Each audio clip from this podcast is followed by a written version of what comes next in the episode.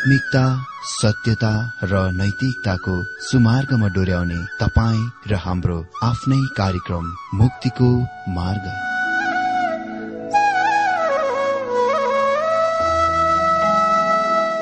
आदरणीय श्रोता यस मुक्तिको मार्ग कार्यक्रममा हार्दिक स्वागत छ। आशा छ यस आत्मिक कार्यक्रमद्वारा जीवनमा आत्मिक आशिष अलौकिक शान्ति र आनन्द प्राप्त गर्नुहुनेछ। र जीवनमा धन्य अनुभव गर्नुहुनेछ।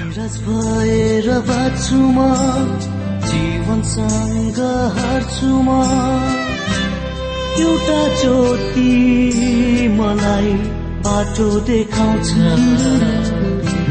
एउटा साथी मलाई जिउन सिकाउँछ।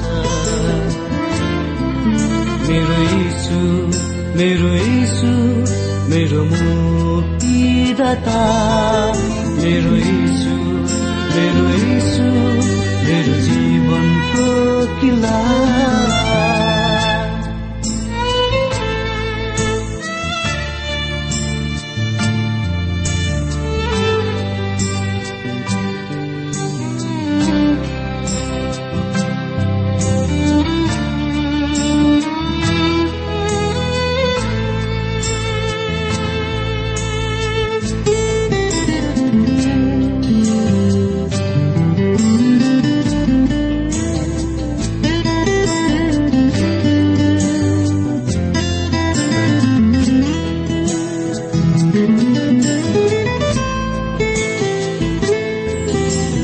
किल्ला बाँच्छु म जीवनसँग हार्छु म। एउटा ज्योति मलाई बाटो देखाउँछ। एउटा साथी मलाई जिउन सिकाउँछ। मेरो यीशु मेरो यीशु मेरो एउटै सहारा। मेरो यीशु मेरो यीशु मेरो साँचो कोठाला।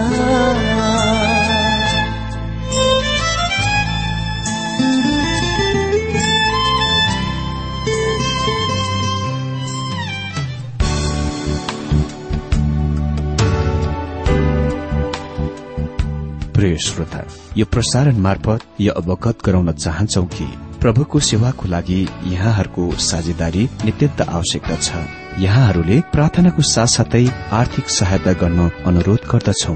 तपाईँहरूको सानोभन्दा सानो भेटी किन नहोस्? हामी प्रभुको नाममा स्वीकार गर्नेछौ प्रभुको सेवाको लागि। तपाईँहरूको यो सानो लगानीले कसैको जीवनमा भिन्नता ल्याउँछ अनि प्रभुको महिमा हुन्छ। प्रभु तपाईँहरूलाई महान गरी आशिष दिनुहुनेछ। इच्छुक श्रोताहरूले तपाईँको इच्छा भेटी हाम्रो ठेगानामा पठाउन सक्नुहुन्छ जुन ठेगाना हामी कार्यक्रमको अन्तमा दिनेछौं। मित्र आज पनि तपाईँ सबैलाई मेरो प्यार भरा नमस्कार अनि तपाईँ सबैलाई हार्दिक स्वागत गर्न चाहन्छु। म आशा गर्दछु कि आज पनि तपाईँ सबै परमेश्वरको वचन अध्ययनको तयारीको साथ आइपुगिसक्नु भएको छ। म पनि तपाईँको सामने तयारीको साथ आइपुगिसकेको छु। त अब हामी प्रार्थनाको साथ अनि छोटो प्रार्थना गरेर प्रभुको वचन अध्ययनमा प्रवेश गरौं। प्यार प्रभुजी हामी तपाईँलाई धन्यवाद दिन चाहन्छौ।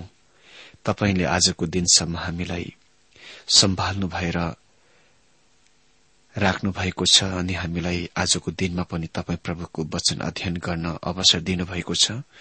अनि तपाईँले आजको दिनसम्म हामीलाई वचनद्वारा धेरै कुरा सिकाउनु भएको लागि धन्यवाद छ र प्रभु आशा गर्दछौ र विश्वास गर्दछौ कि प्रभु यसरी नै तपाईँ हामीलाई सिकाउनुहुनेछ आउने दिनहरूमा पनि ताकि प्रभु हामी तपाईँको वचनको खोराक पाएर आत्मिक रूपमा वृद्धि हुन सकौं बढ़न सकौं र प्रभुजी हामी एक विजय मसी बनेर एक साँच्चीकै तपाईँको साक्षीको जीवन जिउन सकेर तपाईँ प्रभुको महिमा गर्न सकौं र प्रभुजी सधैँ नै तपाईँको निकटतामा रहन सकौं र तपाईँ प्रभुकै प्रेममा हामी सदैव डुबिरहन सकौं।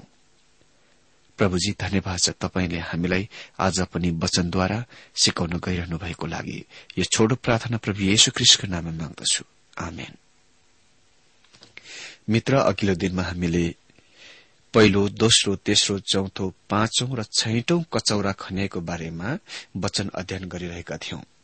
आज हामी प्रकाश सोह्र अध्याय तेह्रदेखि एक्काइस पदसम्मबाट वचन अध्ययन गर्नेछौ। र यहाँ हामी सर्वप्रथममा देख्छौ बीचको समय अन्तराल अर्थात विराम। पृथ्वीका राजहरू आर्मगदोनतिर बढ्दछन्। अहिले छैटौं र सातौं क्रोधको कचौराको बीच यो बीचको समय वा अन्तराल छ वा विराम छ। मैले पहिले नै आउनै सकेको छु कि प्रत्येक सात थरका मालाहरू वा अनुक्रमहरूको छैटौं र सातौं विशेषताहरू बीचमा अन्तराल वा त्यहाँ क्रममा छुट कुरा छ वा निरन्तरतामा टुट हुने कुरा छ। सिर्फ सात व्यक्तित्वहरू सिवाय। यी विवरणहरू भर्ने कामको लागि ब्रेक वा विराम हो। प्रकाश सोह्र तेह्र र चौध पद हेर्दै हामी अगाडि बढ़ौ। यस प्रकार लेखिएको छ अनि मैले त्यस अजिङ्गरको मुखबाट त्यस पशुको मुखबाट र त्यस झुटा भविष्य वक्ताको मुखबाट निस्केको भ्याङ्कुताहरू जस्ता तीनवटा अशुद्ध आत्माहरूलाई देखे। किनकि ती चिन्हहरू देखाउने दुष्ट आत्माहरूका आत्मा हुन् जो सर्वशक्तिमान परमेश्वरको त्यस महान दिनको लड़ाईमा तिनीहरूलाई भेला गर्नका निम्ति पृथ्वीका र सारा संसारका राजाहरू कहाँ जान्छन्। यो आर्मगदोन हो। यसको अझ सही उच्चारण चाहिँ हार मगदोन हो। तर यो एक लड़ाई होइन तर युद्ध हो। आर्मगदोनको युद्ध। म विश्वास गर्दछु कि महाक्लेश अवधिको करिब बीच समयमा उत्तरबाट सम्भवत रूसको झर्ने वा अगाडि बढ़ने कामद्वारा त्यो शुरू हुन्छ। युद्ध पलिस्तिनदेखि यहोसापातको बेसी र एदोमको पहाड़हरूसम्म विस्तृत हुँदछ फैलिन्दछ। यो युद्ध करिब साढे तीन वर्षसम्म निरन्तर भइरहन्छ। यो युद्ध पृथ्वीमा आफ्नो राज्य स्थापन गर्न ख्रिष्टको स्वर्गीयबाट आगमनद्वारा मात्र अन्त गरिनेछ। धार्मिकताको सूर्य आफ्ना पंखहरूमा चंगाई लिएर उदय हुनुहुनेछ। यहाँ हामीलाई नर्कको त्रिएकताको परिचय गराइएको छ। शैतान ख्रिष्ट विरोधी र झुट्टा भविष्यवक्ता। तिनीहरू पृथ्वीमा परमेश्वरको उद्देश्यको ध्वस्त गर्ने प्रयत्नमा इसरायलको विरूद्ध विश्वका राष्ट्रहरूलाई इसरायलको विरूद्धमा अगाडि बढ़न आक्रमण गर्न एकमत भएर मिलेर काम गर्दछन्। परमेश्वरले अब्राहमलाई र तिनीहरूलाई तिनीहरू जो उसको पछि आउने थिए तिनीहरूलाई निश्चित प्रतिज्ञाहरू दिनुभयो। उहाँले हिब्रू यहुदीहरूसँग निश्चित करारहरू बाँध्नुभयो। अनि ती करारहरू आज विश्वासीहरूको लागि युहना तीनको सोह्र जस्तै उभिन्न गइरहेको छ खड़ा हुन गइरहेको छ। म होसियार साथ र दया साथ भन्न चाहन्छु कि आज त्यहाँ त्यस प्रकारका आध्यात्मिक विज्ञान वा थ्योलोजी छ जसले विश्वास गर्दछ कि परमेश्वर इसरायलसँग व्यवहार गर्ने काम पूरा गरिसक्नु भएको छ अन्त गरिसक्नु भएको छ। वा तिनीहरूसँग कति पनि व्यवहार गर्नुहुन्न। इसरायलसँगको सम्पूर्ण परमेश्वरका प्रतिज्ञाहरू व्यर्थ गरिएको छ। के परमेश्वरले कति पनि इसरायललाई दिनुभएको उहाँको कुनै पनि प्रतिज्ञाहरूको पालन गर्न वा पूरा गर्न अब इरादा गर्नुहुन्न। तैपनि मित्र त्यहाँ पुरानो नियममा अक्षर साँच्चै तिनीहरू सयौंमा छन्। यो थियोलोजिकल सिस्टम आध्यात्मिक विज्ञान प्रणालीले खालि यी प्रतिज्ञाहरूलाई आत्मिकीकरण मात्र गर्दछ। यी सिद्धान्तवादीहरूले त्यसरी बिना शास्त्रीय आधार बेगर त्यसो गर्दछन्। अर्जेन जो प्राचीन चर्च पिताहरूमा एक थिए ओरिजेन जो उत्तरी अफ्रिकाबाटका थिए शास्त्रहरूलाई अक्षरस्करण वा शाब्दिकरण बनाउनको सट्टामा आत्मीकरणको यो विधि शुरू गरेथे। हामीले यो कुराको थाहा पाउन आवश्यक छ कि बाइबल अक्षरस साँच्चीकै बढ़ाई चढ़ाई नगरेको पुस्तक हो। त्यो इसरायलसँग परमेश्वरको करारको नष्ट शैतानको उद्देश्य हो। अनि त्यो नै कारण शैतान अगाडि बढ़छ र यो सानो राष्ट्रको विरूद्ध सम्पूर्ण संसारलाई ल्याउँदछ। यो महाक्लेश अवधिमा घट्नेछ। जसरी भविष्यवाणीको अध्ययन विकास हुन्छ वा प्रगति हुन्छ यो मेरो दृढ़ विश्वास हो कि भविष्यवाणीको यो आत्मिकीकरण गर्ने काम यद्यपि हालमा धेरै बाइबल टीका टिप्पणीकारद्वारा ग्रहण गरिए तापनि एक दिन चर्चमा झुट्टा शिक्षा झुट्टा सिद्धान्त वा हेरेसी त्यो बन्दछ सायद म यो देख्नलाई जीवित नहरौंला तर यो फुच्चे प्रचारकले भनेको छ त्यही नै हुनेछ। अहिले हाम्रो सामने राखेको महान दृश्यलाई हेरौं भ्यागुताहरू जस्ता। अँ यहाँ प्रश्न उठ्छ के तिनीहरू अक्षरस वा साँच्चीकै भ्याङ्गोताहरू हुन् त? तिनीहरू मिश्रमा साँच्चीकै भ्याङ्गोताहरू थिए। भने तिनीहरू यस दृश्यमा यो मामलामा पनि साँच्चीकै भ्याङ्गोता हुन सक्छन्। तर म तिनीहरूलाई प्रतीकको रूपमा ग्रहण गर्न वा विचार गर्न इच्छुक छु। सम्भवत तपाई भनिरहनु भएको होला प्रचारक। एक मिनट पर्ख। मैले सोचेथे कि तिमीले प्रतीकको स्वीकार वा ग्रहण गर्दैनौ। जबसम्म त्यो स्पष्ट रूपमा प्रतीक हुँदैन थियो। हा तपाईँ बिल्कुल सही बोलिरहनु भएको छ। अनि यो कुराको ध्यान दिनुहोस्। युहाना भन्छन् तिनीहरू भ्याङ्गुताहरू जस्ता थिए। यो मलाई यस्तो देखाइ पर्दछ कि योहाना सधैँ उसले देखेका बिल्कुल सही तस्विर हामीलाई दिनलाई अति नै धेरै होसियारी छन्। जे सेसले प्रकाशको पुस्तकको विषयमा लेक्चर नामक पुस्तकमा भ्याङ्कुताहरूलाई विविध तरिकामा टिप्पणी गर्दछन्। तिनीहरू आत्माहरू हुन् तिनीहरू अशुद्ध आत्माहरू हुन् तिनीहरू भूतात्मा प्रेत आत्माहरू हुन् तिनीहरूलाई अजिङ्गर त्रि एकद्वारा काम गर्न क्रियाकलापमा पठाइएका छन्। तिनीहरू पृथ्वीबाट परमेश्वरलाई समाप्त गर्न उन्मूलन गर्न प्रयासमा विश्वलाई जगाउन चुनिएका एजेन्टहरू हुन्। अनि तिनीहरू त्यसमा भ्याङ्गुताहरू जस्तै छन् कि तिनीहरू विश्वका दलदलबाट निस्किआएका छन् र तिनीहरू आत्माको काम विश्वको साँझ रातमा छायाहरूमा गर्दछन्। तिनीहरू घस्रिन जान्छन् र टर टर गरेर आवाज निकाल्दछन् र जाति जातिहरू र राष्ट्रका कानहरू तिनीहरूको कुहालपूर्ण प्रदर्शनहरूले भरिदिन्छ। तबसम्म जबसम्म तिनीहरूले सम्पूर्ण पृथ्वीका सम्पूर्ण राजाहरू र सेनालाई थुमा बाटोको अन्तिम परास्तको लागि उत्साहपूर्ण जोशपूर्ण होहल्लामा राख्दैनन्। जस्तो कि प्रकाश नौ अध्यायमा ख्रिष्टको र परमेश्वरको साथ आत्माहरू विशाल पवित्र गरेका शुद्ध गरेका झुण्डका एउटै संगतिमा एकै साथमा भेला गर्न जम्मा गर्न सम्पूर्ण पृथ्वीभरि निस्कि गए त्यसरी नै नर्कका यी आत्माहरू संसारका शक्तिशाली शासकहरू राजाहरूका तिनीहरूलाई जगाउन र शैतानका आर्धकहरूलाई पुजारीहरूको विशाल कुल र तिनीहरूका सेनाहरूका झुण्डमा जम्मा गर्न भेला गर्न निस्किजान्छन् हाम्रा आफ्नै यो दिनहरूमा समाचार माध्यम ती मानिसहरूका उद्देश्यको पूरा गर्न फैलाउने प्रचार गर्ने एजेन्ट बन्न सक्दछ जो पृष्ठभूमिमा छ। समाचार मिडियाले जनताहरूको दिमाग धुलाई लताई पुताई गर्न सक्छ ब्रेन वास्ट गर्न सक्छ। बिल्कुलै यही नै दुष्टको त्रि एकले गर्नेछ। तिनीहरूले इसरायलको विरूद्ध बढ़ेर आक्रमण गर्ने र तिनीहरूलाई हमला गर्न दिमागमा मानिसहरूको लुताई पोताई गर्नेछ ब्रेन वास्ट गर्नेछ। प्रभु येशु मात्र एक हुनुहुन्छ जसले यसको रोक्न सक्छ। इसरायलको सहायता उत्तर दक्षिण पूर्व पश्चिमबाट आउँदैन बरु त्यहाँदेखि नै तिनीहरूका कष्टहरू समस्याहरू आइरहेको छ। तिनीहरूका सहायता परमप्रभु परमेश्वर पृथ्वी र स्वर्गीयको सृजना हुनेबाट आउँदछ अनि सोह्रको पन्ध्र पदमा हामी पढ्छौं यस प्रकार लेखिएको छ हेर म चोर्झै आउँछु।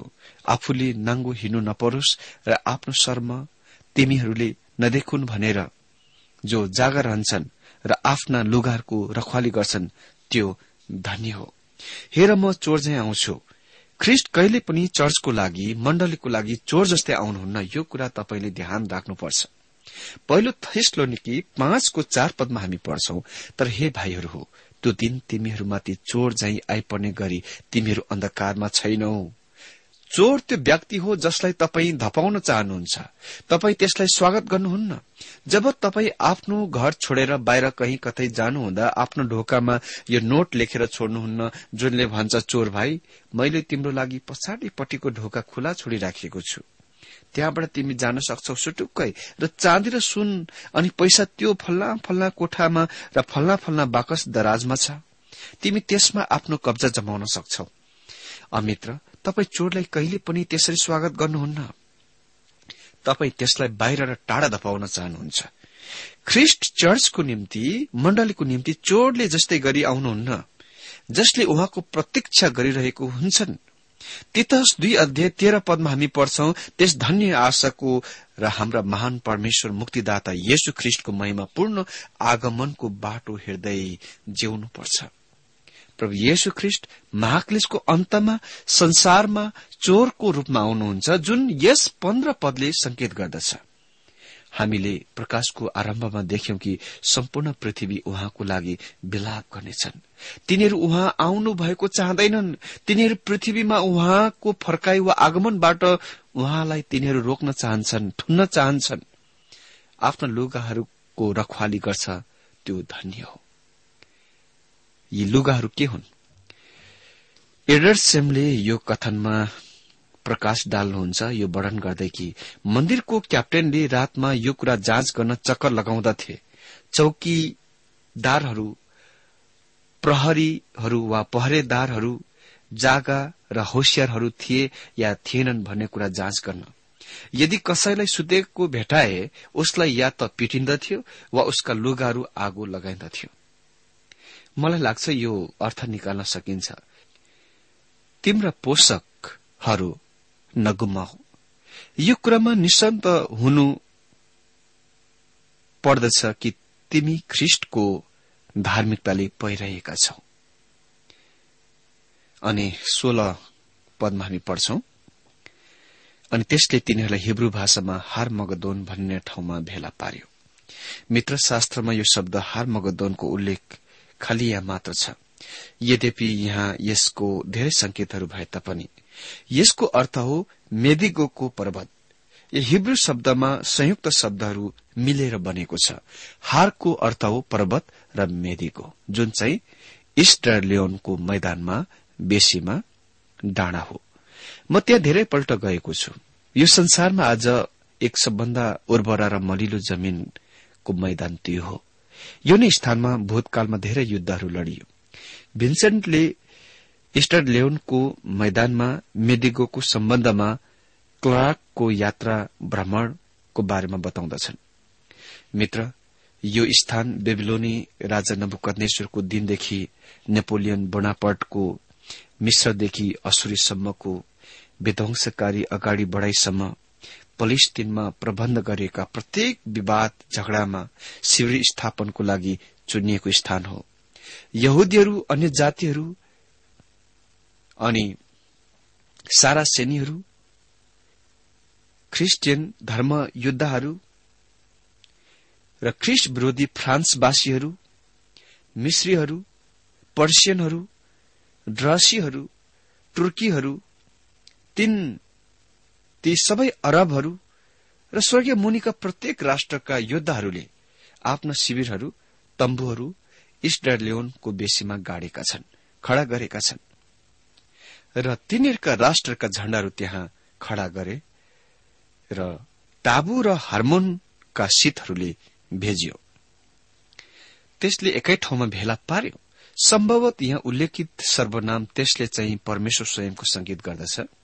यद्यपि शैतान ख्रिस विरोधी र झुटा भविष्यवक्ता इस्रायलको विरूद्ध विश्वको राष्ट्रहरूलाई अगाडि बढ़ाउन एकत्रितमा ल्याए तापनि तर पनि यसरी तिनीहरूले परमेश्वरको वचनको पूरा गरिरहेका हुन्छन्। त्यसपछि हामी निम्न पदहरूमा देख्छौ सातौं कचौराको खने।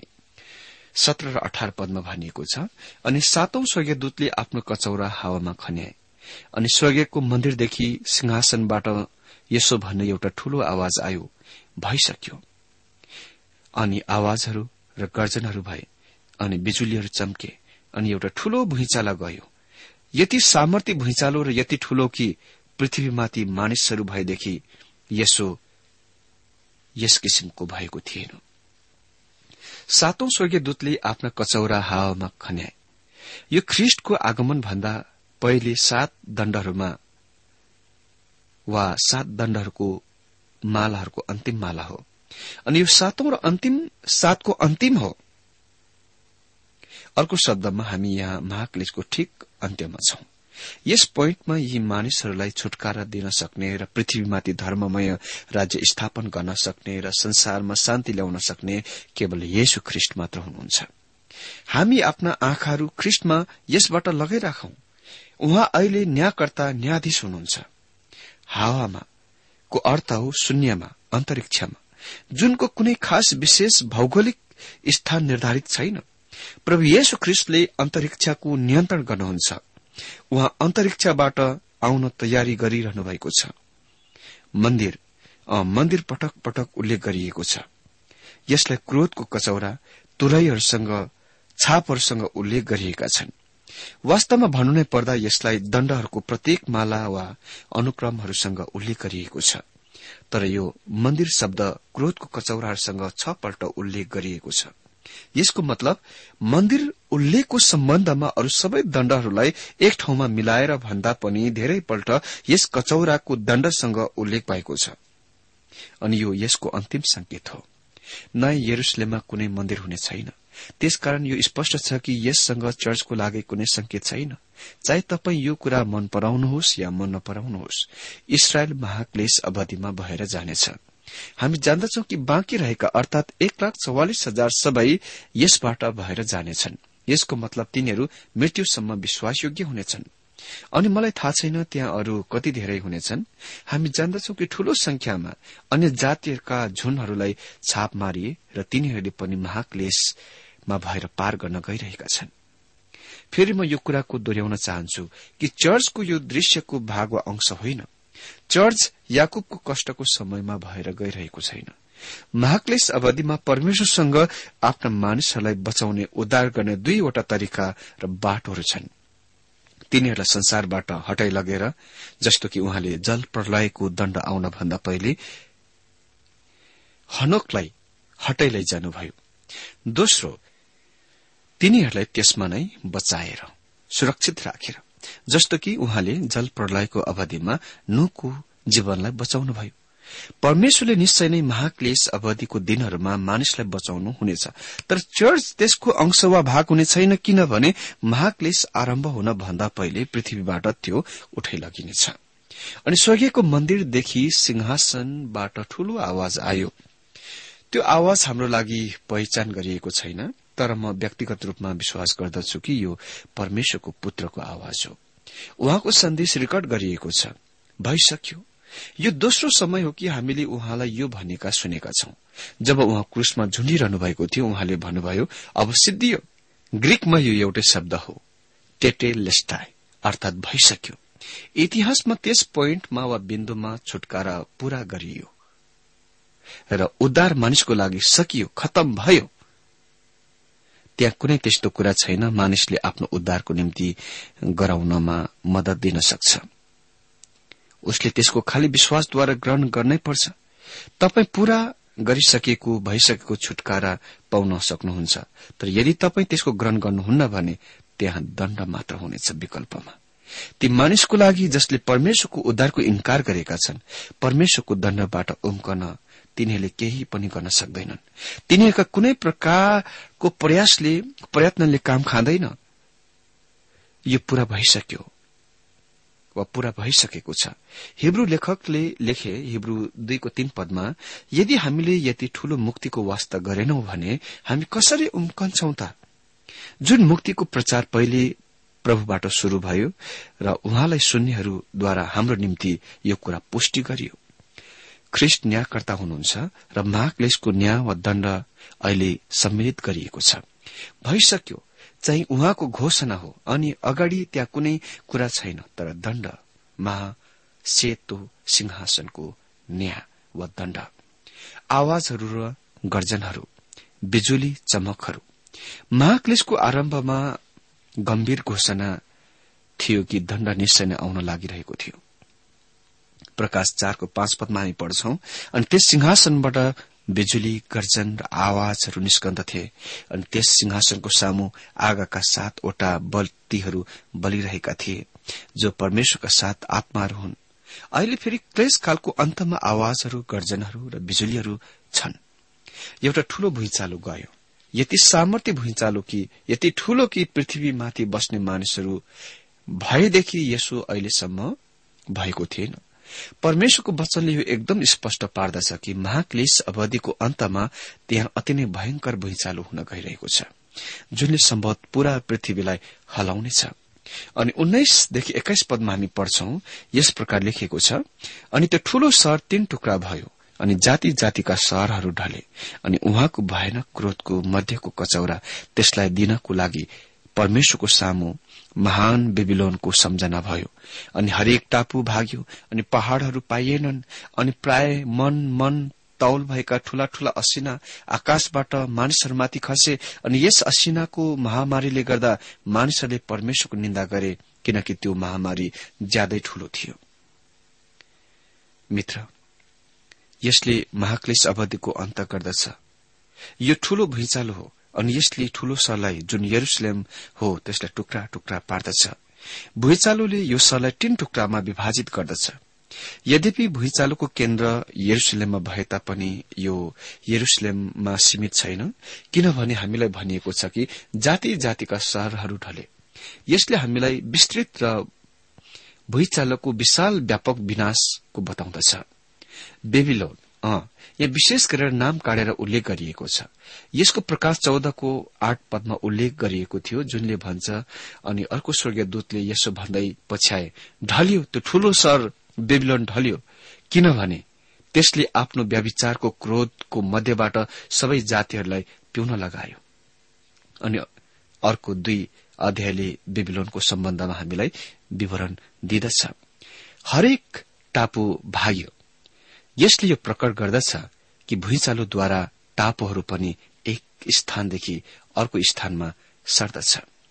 अनि दण्डको अन्तिम कारवाही चाहिँ असिना हो। असिनाको आकार अति नै ठूलो छ। तपाईँलाई थाहा छ त्यसको तौल कति छ? मन मन तौल भएका। के तपाईँले यति ठूलो असिना कहिले देख्नु भएको छ? मैले आधा किलोसम्मको असिना देखेको छु तर यो त असामान्य खालको असिना हो। अनि यहोसुको समयमा अति नै चाकलाग्दो असिनाको बारेमा बाइबलमा रेकर्ड गरिएको छ।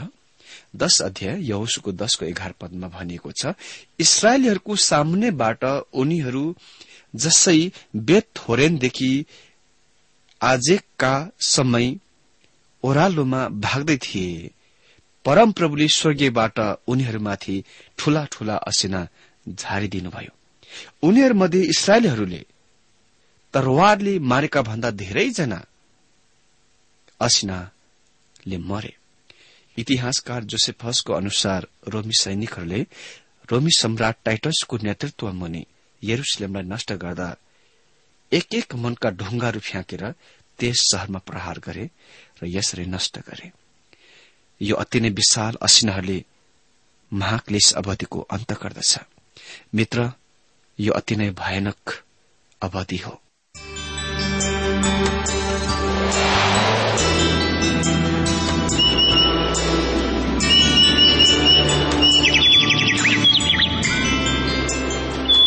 प्रिय श्रोता अहिले भर्खरै तपाईँले टीडब्ल्यूआर नेपालद्वारा संचालित आत्मिक कार्यक्रम मुक्तिको मार्ग सुनिरहनु भएको थियो। श्रोता आजको यो कार्यक्रम सुनेर तपाईँलाई कस्तो लाग्यो? यदि यो कार्यक्रम सुनेर मनमा कुनै खुल्दुली वा कुनै प्रतिक्रिया अर्थात सुझावहरू छन् भने हामीलाई पत्रद्वारा लेख्न सक्नुहुनेछ। हामी हृदयदेखि नै स्वागत गर्नेछौ स्वीकार गर्नेछौ साथै बाइबल सम्बन्धित प्रचारहरू कार्यक्रम सारणीहरू हामी अनुरोधमा पठाउन सक्छौ। अनि तपाईँसँग कुनै प्रार्थनाको विषय छन् भने हामीले तपाईँको लागि प्रार्थना गरेको चाहनुहुन्छ। चाहनुहुन्छ भने प्रभुमा आफ्नै परिवार सम्झेर हामीलाई पत्रमा लेख्न सक्नुहुनेछ। तपाईँको लागि हामी प्रभु येशुसँग प्रार्थना गर्नेछौ। अधिक जानकारी र पत्रचारको लागि हाम्रो ठेगाना यस प्रकार छ।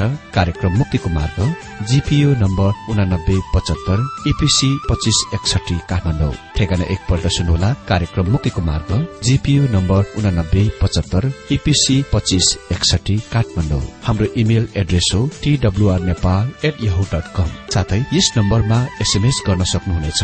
अन्ठानब्बे चार सत्तरी पैंतिस छ सय उनासी नौ आठ चार सात जिरो तीन पाँच छ सात नौ। हुन्छ श्रोता आजलाई हामी विदा चाहन्छौ। अर्को कार्यक्रममा हामी पुनः भेट्नेछौ तबसम्मलाई नमस्कार।